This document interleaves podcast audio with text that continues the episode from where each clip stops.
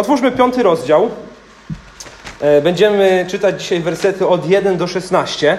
E, I to są wersety, które mówią o wzajemnych relacjach w kościele, ale szczególnie dużo mówią o osobach starszych e, i o wdowach.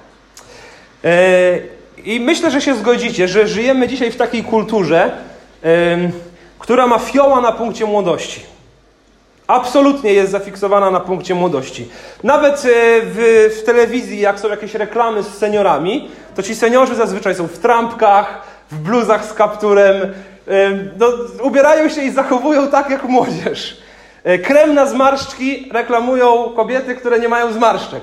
Tam w, te, w, tych, w tych reklamach telewizyjnych. I myślę, że panuje taki właśnie wszechobecny kult młodości, e, natomiast starość jest czymś niechcianym, pogardzanym. Mamy nawet takie e, powiedzenie w Polsce, że starość to się Panu Bogu nie udała. Słyszeliście takie powiedzenie? No właśnie. Więc tu nawet do Pana Boga uderzamy w tych, w tych kwestiach w taki niestosowny sposób. Widać to też w domach. Na przykład rzadko kiedy dzisiaj spotyka się już dom, w którym mieszkają trzy pokolenia. Kiedyś to była norma, że mieszkali dziadkowie, rodzice, wnuki e, w jednym domu albo tuż obok siebie. Dzisiaj to się zdarza bardzo rzadko. Często też mam wrażenie, że tak, tak jesteśmy wychowywani, aby starsze osoby traktować z przymrużeniem oka, nie z szacunkiem.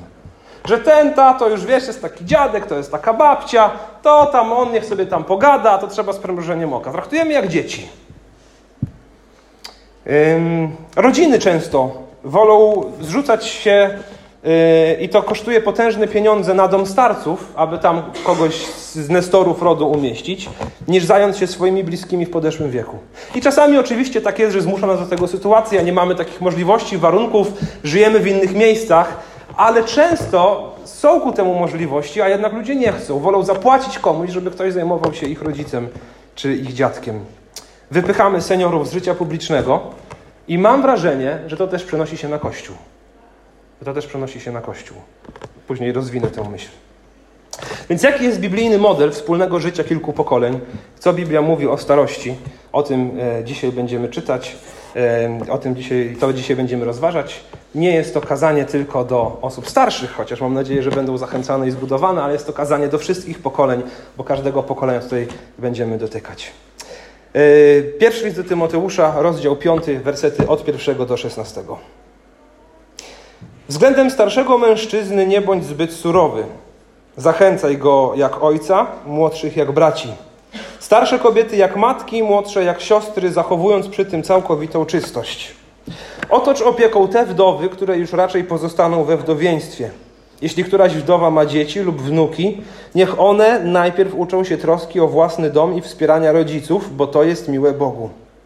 Wdowa, której wdowieństwo jest trwałe i która jest przy tym samotna, pokłada nadzieję w Bogu, potrafi ona dzień i noc trwać w błaganiach i modlitwach. Ta natomiast, w której w głowie przyjemnostki żyje wprawdzie, lecz jest martwa. Zwraca im też uwagę, aby nie były nienaganne. A kto nie troszczy się o swoich, zwłaszcza o domowników, ten wyparł się wiary i jest gorszy od niewierzącego.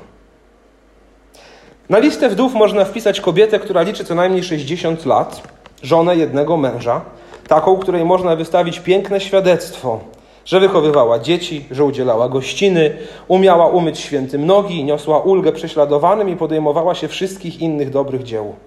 Młodszych wdów nie wpisuj, bo gdy ich pragnienie mężczyzny okaże się większe od poświęcenia Chrystusowi, chcą wyjść za mąż. Wtedy też obciąża je zarzut, że nie dochowały przyrzeczonej wierności. Ponadto nie mając co robić, uczą się chodzić po domach i mało, że bezczynne potrafią być też gadatliwe i wścibskie, a przy tym mówić, czego nie trzeba. Chcę zatem, aby młodsze wychodziły za mąż, rodziły dzieci, zarządzały domem i nie dawały przeciwnikowi powodu do obmowy, bo już niektóre zboczyły i poszły za szatanem. Jeśli jakaś wierząca osoba ma wokół siebie wdowy, niech je wspomaga, aby Kościół nie był obciążony i mógł wesprzeć te, których wdowieństwo jest trwałe. Kontekstem tego fragmentu, który przeczytaliśmy i, i, i, wielu innych fragmentów, które czytaliśmy, bo w zasadzie na każdym kazaniu e, z pierwszego listu do Tymoteusza zawsze cytujemy jeden werset. Ten werset, który jest sednem listu do Tymoteusza, czyli 1 Tymoteusza 3,16. Masz wiedzieć, jak trzeba sobie radzić w domu Bożym, który jest kościołem żywego Boga, filarem i podporą prawdy. I to jest właśnie fragment napisany w kontekście tego wersetu. Masz wiedzieć, jak sobie radzić w domu Bożym. Dom Boży, Kościół, nieprzypadkowo apostoł Paweł używa tej frazy dom e, i, i to się przewija właśnie w różnych zastosowaniach tego, e, bo rzeczywiście mamy Kościół jako dom Boży traktować jak rodzinę. Jak rodzinę. Powinny tutaj panować mądre, e, pełne szacunku relacje rodzinne. Bo w rodzinie, jak postępujemy wobec siebie, myślę, że przede wszystkim odnosimy się do siebie z szacunkiem. I to widać w pierwszych dwóch wersetach. Względem starszego mężczyzny nie bądź zbyt surowy, zachęcaj go jak ojca, młodszych jak braci, starsze kobiety jak matki, młodsze jak siostry, zachowując przy tym całkowitą czystość. I oczywiście w rodzinie fizycznej, powiedziałem przed chwilą, odnosimy się do siebie z szacunkiem. To jest pewien wyidealizowany obraz, bo wiemy, że rzeczywistość jest bardzo różna, ale jednak pragniemy zdrowej rodziny. Pragniemy rodziny, która siebie kocha i która okazuje sobie szacunek. I o tym Paweł mówi do Tymoteusza w tych pierwszych dwóch wersetach.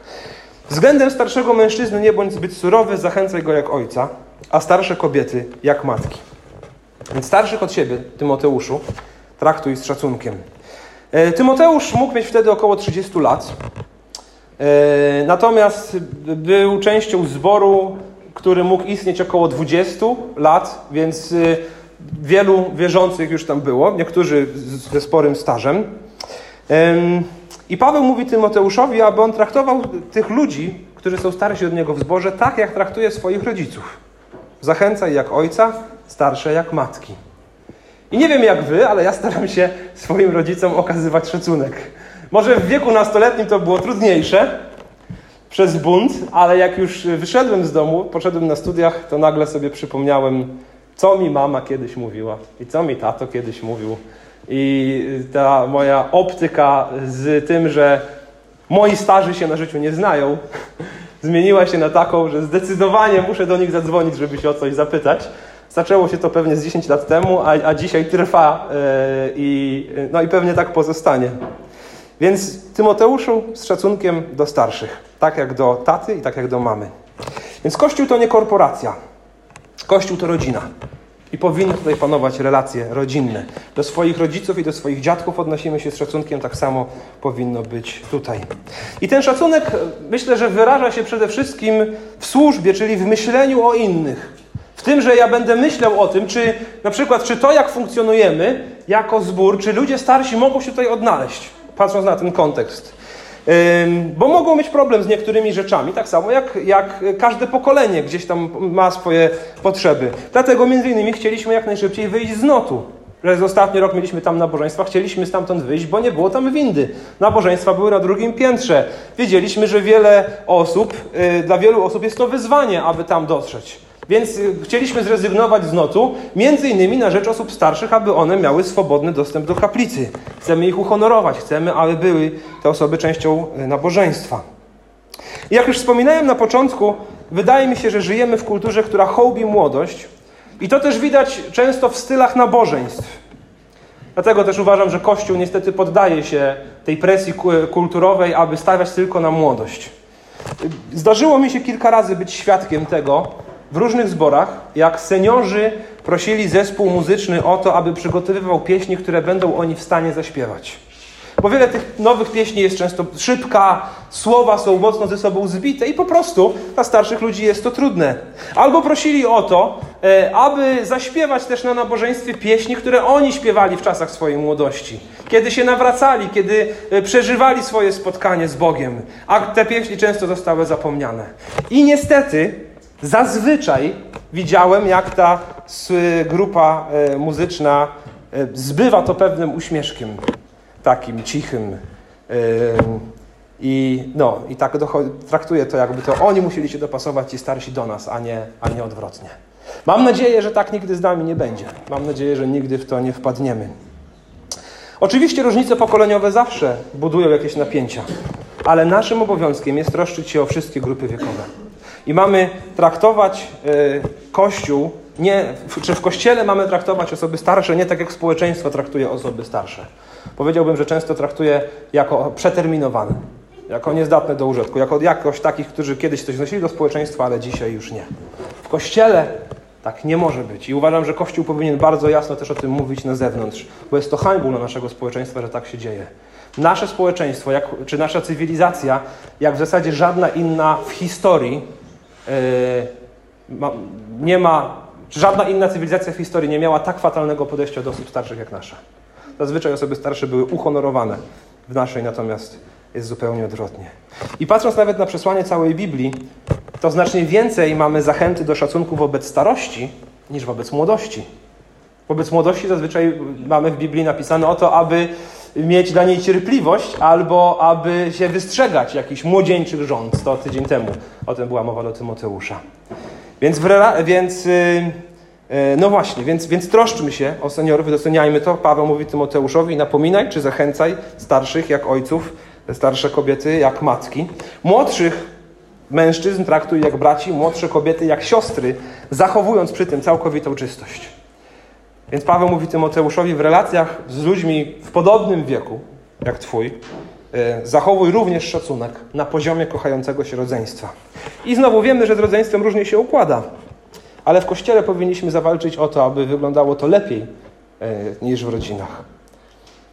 Szczególnie, e, myślę, ważne słowa Paweł pisze w kontekście młodych kobiet do Tymoteusza. Mówi, traktuj je jak siostry i dodaje, zachowując przy tym całkowitą czystość pisze do młodego człowieka. Można by powiedzieć, e, Tymoteuszu, młodsze kobiety traktuj w zborze jak siostry i tylko jak siostry. Nigdy nie dopuszczając nawet do siebie myśli czy pokusy, by traktować je inaczej. Pewnie wyjątkiem byłoby to, gdyby był jakiś kawaler w zborze, któremu spodobałaby się jakaś panna, no to rozumiem, że tam mogłoby być nieco inne traktowanie. Albo jakiś pan nie spodobałby się jakiś kawaler. Ale co do zasady, jeśli nie jesteś matrymonialnie zainteresowany tą drugą osobą, traktuj, traktujcie siebie jak rodzeństwo. I kiedy studiowałem ten fragment, zastanawiałem się właśnie nad naszym środowiskiem, to wiecie co? W ciągu kilku minut przyszło mi do głowy e, pięciu pastorów, ze środowiska baptystycznego z ostatnich 20 lat, którzy przestali być pastorami dokładnie z powodu tego, że nie trzymali się wersetu drugiego. Z ostatnich 20 lat pięciu. To nie jest tak, że mamy tysiąc pastorów. Mamy obecnie 80. Z ostatnich 20 lat pięciu, którzy dokładnie y, złamali to, co jest napisane w drugim wersecie, czyli pięciu pastorów, którzy y, zostali usunięci ze służby, dlatego że miało romanse z kobietami ze zboru. Ja wiem o pięciu a, a myślę, że może być ich więcej. Czterech jest dzisiaj po rozwodzie. Historia piątego nie wiem na jakim jest etapie. I rzeczywiście traktowanie funkcji pastorskiej, yy, czy, czy, czy, czy ta funkcja przywódcza najczęściej ma trzy zagrożenia. Pastorzy często upadają, ponieważ zaczynają traktować służbę jako władzę i nadużywają tego. Po drugie, często upadają z powodu malwersacji finansowych i nieczystości czy, czy zakłamywaniu finansów zborowych ale najczęściej upadają z powodów właśnie seksualnych, z powodu romansów. W naszym środowisku y, pastorzy rezygnują ze służby z różnych powodów, ale jeśli są usunięci, to ja słyszałem tylko o tej jednej przyczynie. Nie słyszałem o tym, że ktoś był usunięty, ponieważ nadużywał władzy, a nie słyszałem, że ktoś był usunięty, bo, ponieważ y, zakłamywał finanse, ale słyszałem kilka razy w ostatnich 20 latach o tym, że ktoś był usunięty ze służby z powodu romansu z osobą ze zboru. Więc kiedy tak się dzieje, to przez czym Paweł przestrzega Tymoteusza, kiedy tak się dzieje, że chrześcijanie, a szczególnie, że pastorzy uwiązują się romans, to rzeczywiście jest to jedna z największych traum dla zborów. Jedna z największych traum, traum dla zborów, kiedy mnóstwo ludzi odchodzi z kościoła. A kiedy świat ma o czym plotkować i pokazuje na chrześcijan i mówi, zobaczcie, jacy hipokryci. Zobaczcie, jaki hipokryta stawał za kazalnicą. Więc potraktujmy te słowa bardzo poważnie. Drogie siostry, traktujcie mężczyzn w zborze jak braci i tylko jak braci, chyba że to wasz mąż. Drodzy bracia, traktujcie kobiety w zborze jak siostry i tylko jak siostry. Jako najstarszy ze swojego rodzeństwa e, staram się być w relacjach z moim rodzeństwem opiekuńczy, szczególnie wobec moich sióstr. Mam dwie. Oczywiście znowu w czasach nastoletnich było zupełnie inaczej. To były walki. Ale jak e, przed tym czasem nastoletnim, to zawsze starałem się być, wiecie, dużym starszym bratem, który chroni swoje siostry.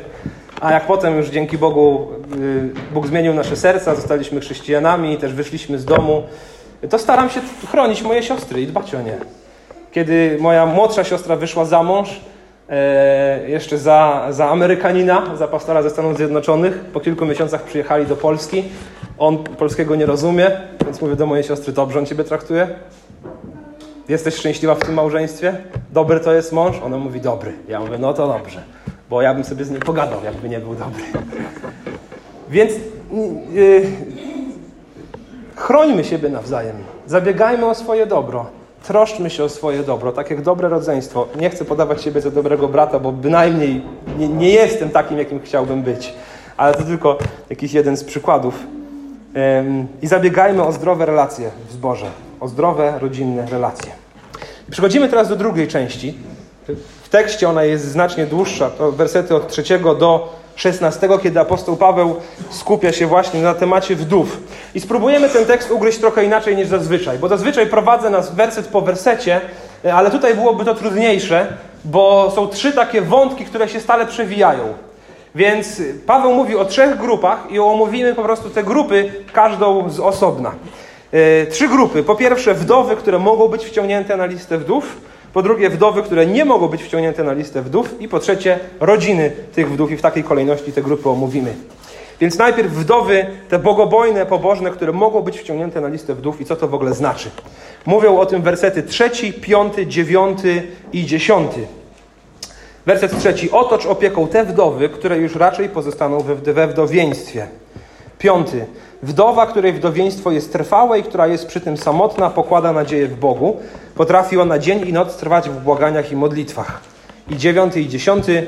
Na listę wdów może być wpisana kobieta, która liczy co najmniej 60 lat, y, jest żoną, czy była żoną jednego męża, taką, której można wystawić piękne świadectwo, że wychowywała dzieci, że udzielała gościny, umiała umyć świętym nogi, niosła ulgę prześladowanym i podejmowała się wszystkich innych dobrych dzieł.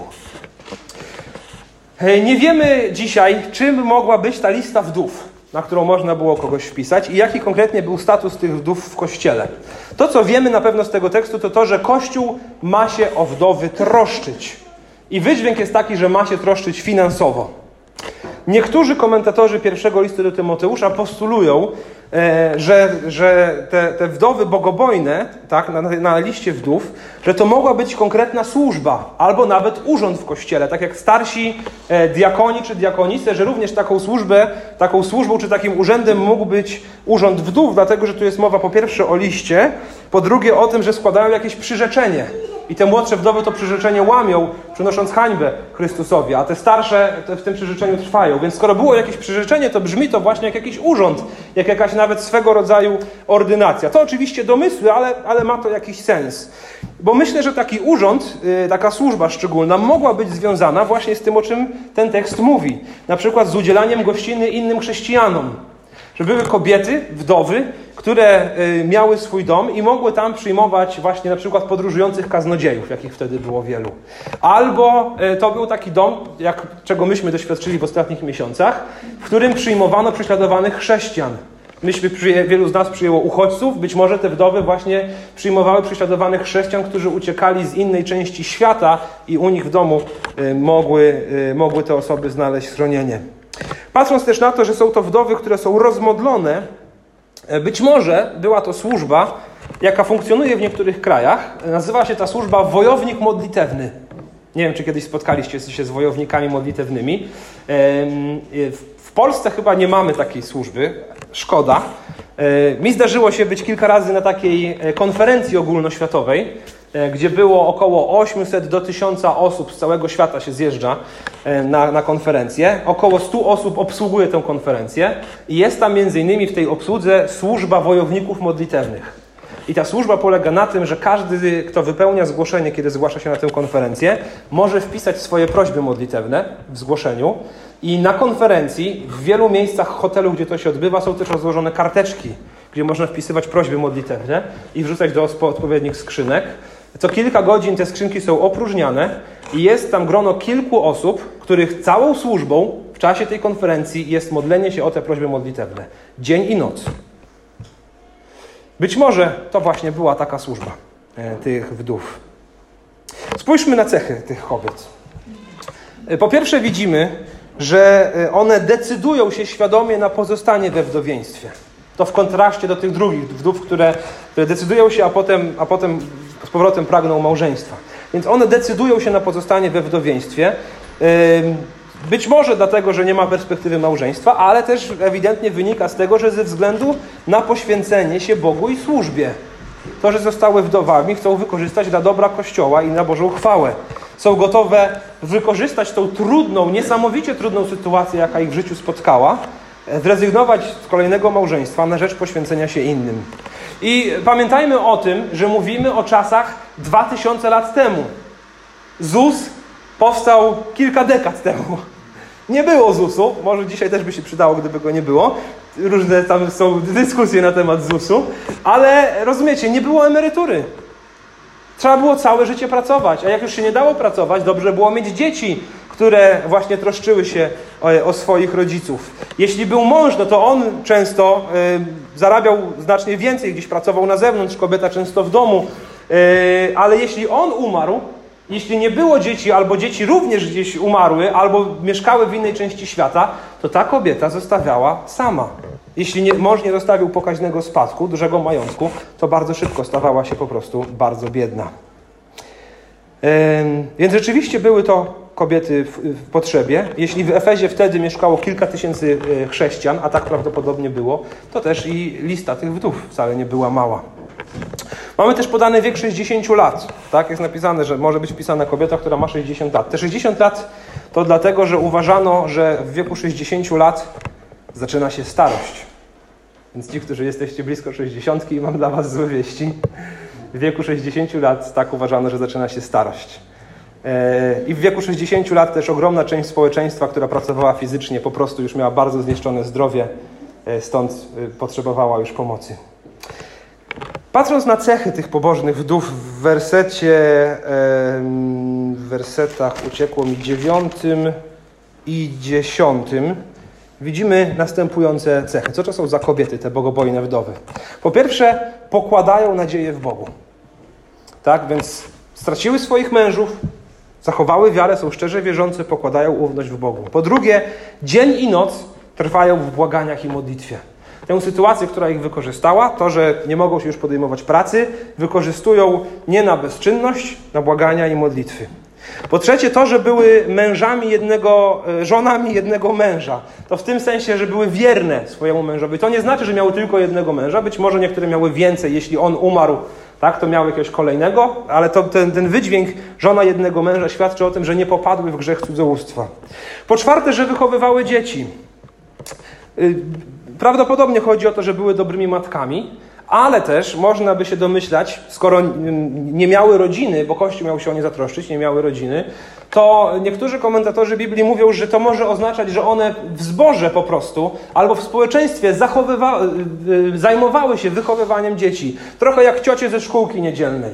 Tak, trochę jak takie starsze kobiety, które wychowywały młodsze, troszczyły się o to, aby y, o kolejne pokolenia. Po piąte, udzielały gościny. Po szóste, umiały umyć świętym nogi, więc ponosiły pewien koszt służby, były wierne w służbie i to takiej trudnej służbie, no umyć świętym nogi. Jest to oczywiście e, taki obraz znany nam z Ewangelii, ale też on oznacza coś, trudną służbę, służbę, która jest wyzwaniem. E, niosły ulgę prześladowanym i podejmowały się wszystkich innych dobrych dzieł. Więc zobaczcie, z jednej strony to są niesamowite cechy, ale z drugiej strony to są po prostu cechy bogobojnych, wierzących ludzi.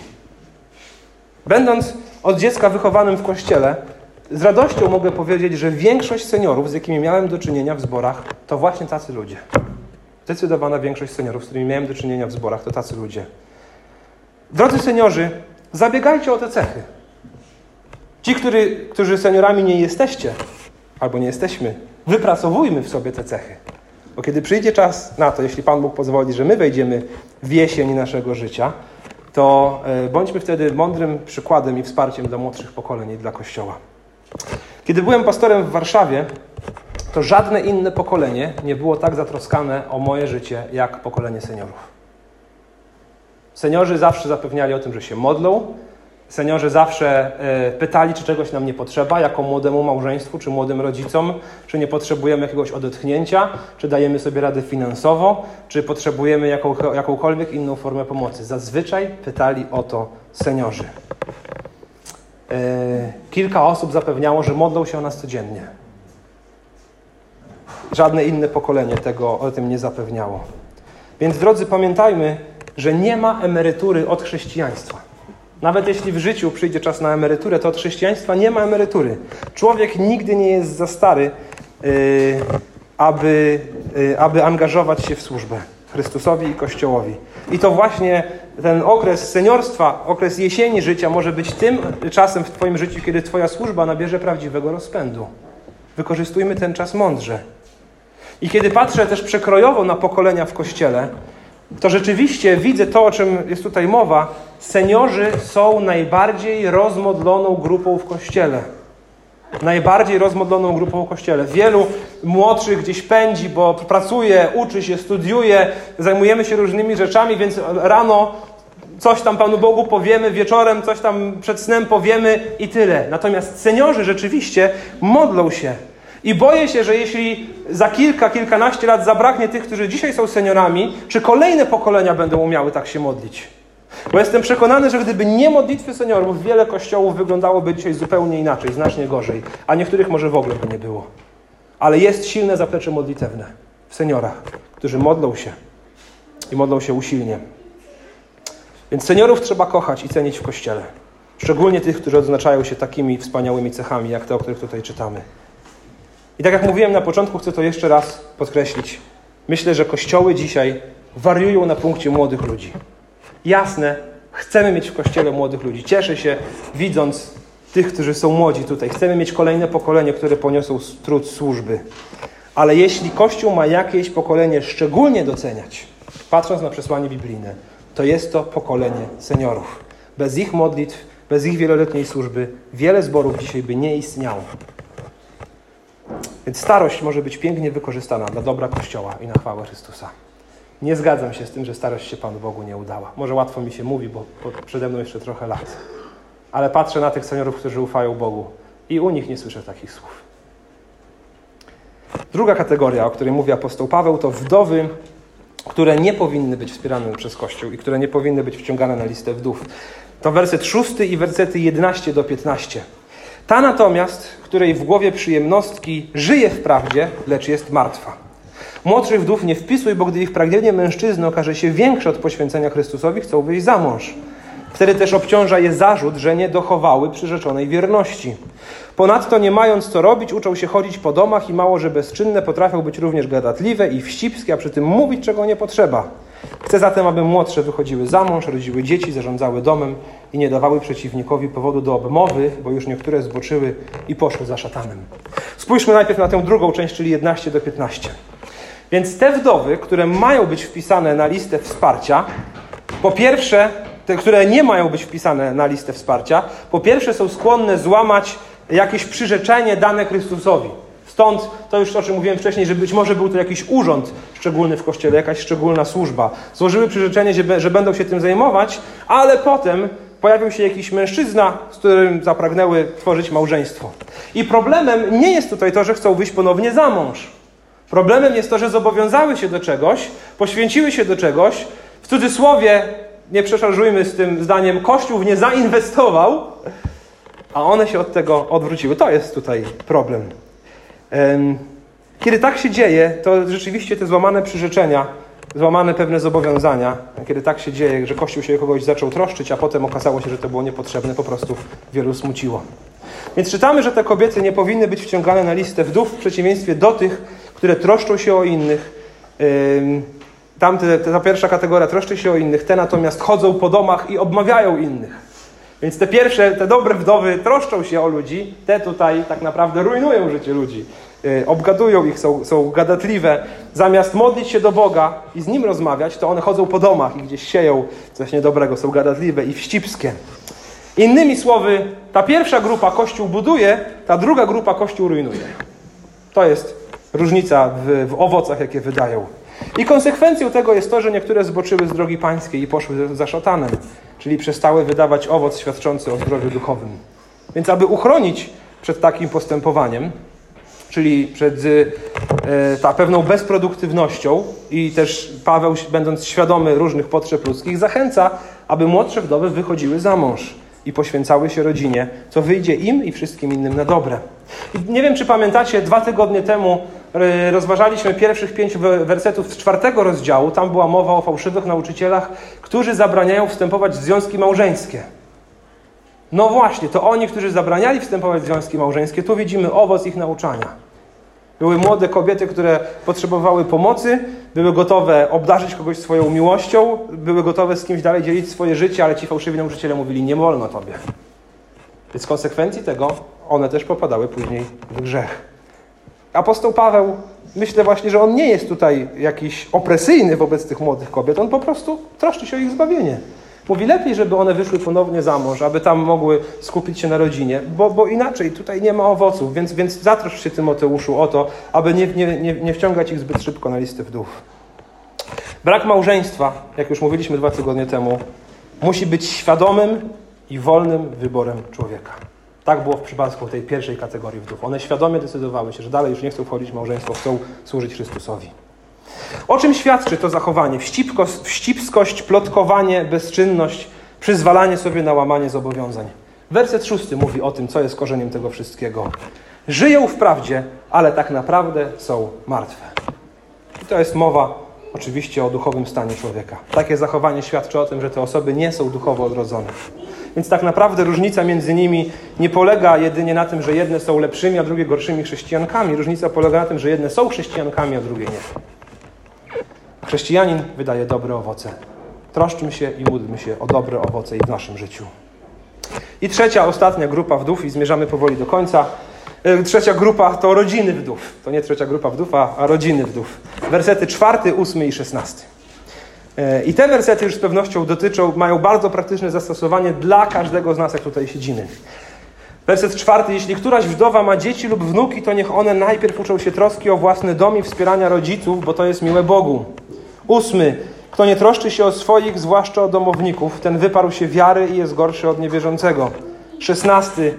Jeśli jakaś wierząca osoba ma wokół siebie wdowy, niech je wspomaga, aby Kościół nie był obciążony i mógł wesprzeć te, których wdowieństwo jest trwałe. Więc po raz kolejny jesteśmy zobowiązani do troski o naszą rodzinę. O naszą fizyczną rodzinę, o czym już trochę mówiłem, i o naszą duchową rodzinę. Dzieci mają wspierać swoich rodziców. Kropka. Dzieci mają wspierać swoich rodziców. Kropka. Bo kto nie troszczy się o swoich, a zwłaszcza o domowników, ten jest gorszy od niewierzącego. Dlaczego? Bo nawet niewierzący się troszczą o swoich rodziców. Więc jeśli Kościół się nie troszczy o swoich rodziców, to jest to hańba. Po prostu hańba. To oni nas uczyli chodzić, to oni nam wycierali pupy, to oni wpompowali w nas ogromne pieniądze do czasu naszego usamodzielnienia się. I jeśli my jako dorośli zapominamy o naszych rodzicach, którzy często potrzebują tego samego, co robili dla nas, kiedy myśmy byli mali, to jest to hańba. Mamy to robić w taki sposób, wspierać naszych bliskich, naszych rodziców, naszych dziadków, aby nikt inny nie musiał być tym obciążony. I znowu żyjemy w takich czasach bardzo wygodnych, gdzie wydaje nam się, że to są od tego odpowiednie organy, które powinny to zadbać. Organy państwowe, państwowe domy starców, państwowe szpitale, gdzieś tam tych ludzi umieścimy, niech się państwo zajmie. Apostoł Paweł mówi, że nie. Na nas spoczywa ten obowiązek. I znowu chcę jeszcze raz to powiedzieć. Nie twierdzę, że, że, że, każdy ma ku temu warunki i sposobność, ale jeśli ma, to w swoim sumieniu powinien to rozsądzić i troszczyć się o swoich rodziców. Postawa dzieci wobec rodziców będących w podeszłym wieku i postawa bogobojnych wdów wskazuje nam na jedną zasadniczą prawdę. Postawa tych dzieci, które troszczą się o rodziców i postawa tych bogobojnych wdów wskazują nam na jedną zasadniczą sprawę. Mianowicie, prawdziwe chrześcijaństwo rozgrywa się w domu. Prawdziwe chrześcijaństwo rozgrywa się w domu. Prawdziwe chrześcijaństwo, przemienione życie unacznia się w domu. Nie na niedzielnym nabożeństwie, nie przez dwie godziny w niedzielny poranek. Prawdziwe chrześcijaństwo unacznia się w tym, jak się do siebie odnosimy i jak siebie traktujemy w rodzinie. Jeśli w domu nie ma chrześcijaństwa, to śmiem twierdzić, że nigdzie go tak naprawdę nie ma. To jest ono na zewnątrz tylko udawane. I tak było właśnie z tą grupą tych drugich wdów. Zobaczcie, one były częścią kościoła, tego widzialnego. Ale w domu ich prywatne życie w ogóle nie świadczyło o tym, że wydają jakikolwiek dobry owoc.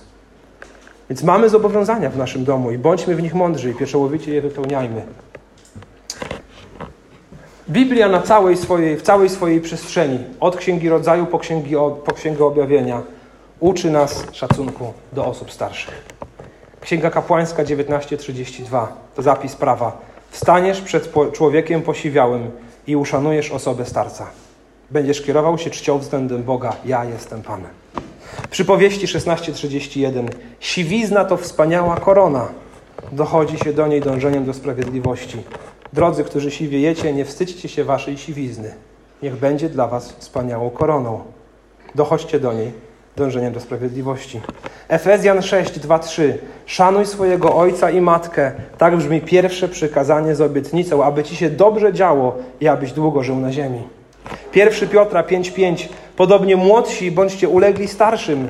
Wszyscy zaś przyjmijcie postawy pokorem, pokory względem siebie nawzajem, gdyż Bóg się pysznym przeciwstawia, lecz pokornym daje łaskę.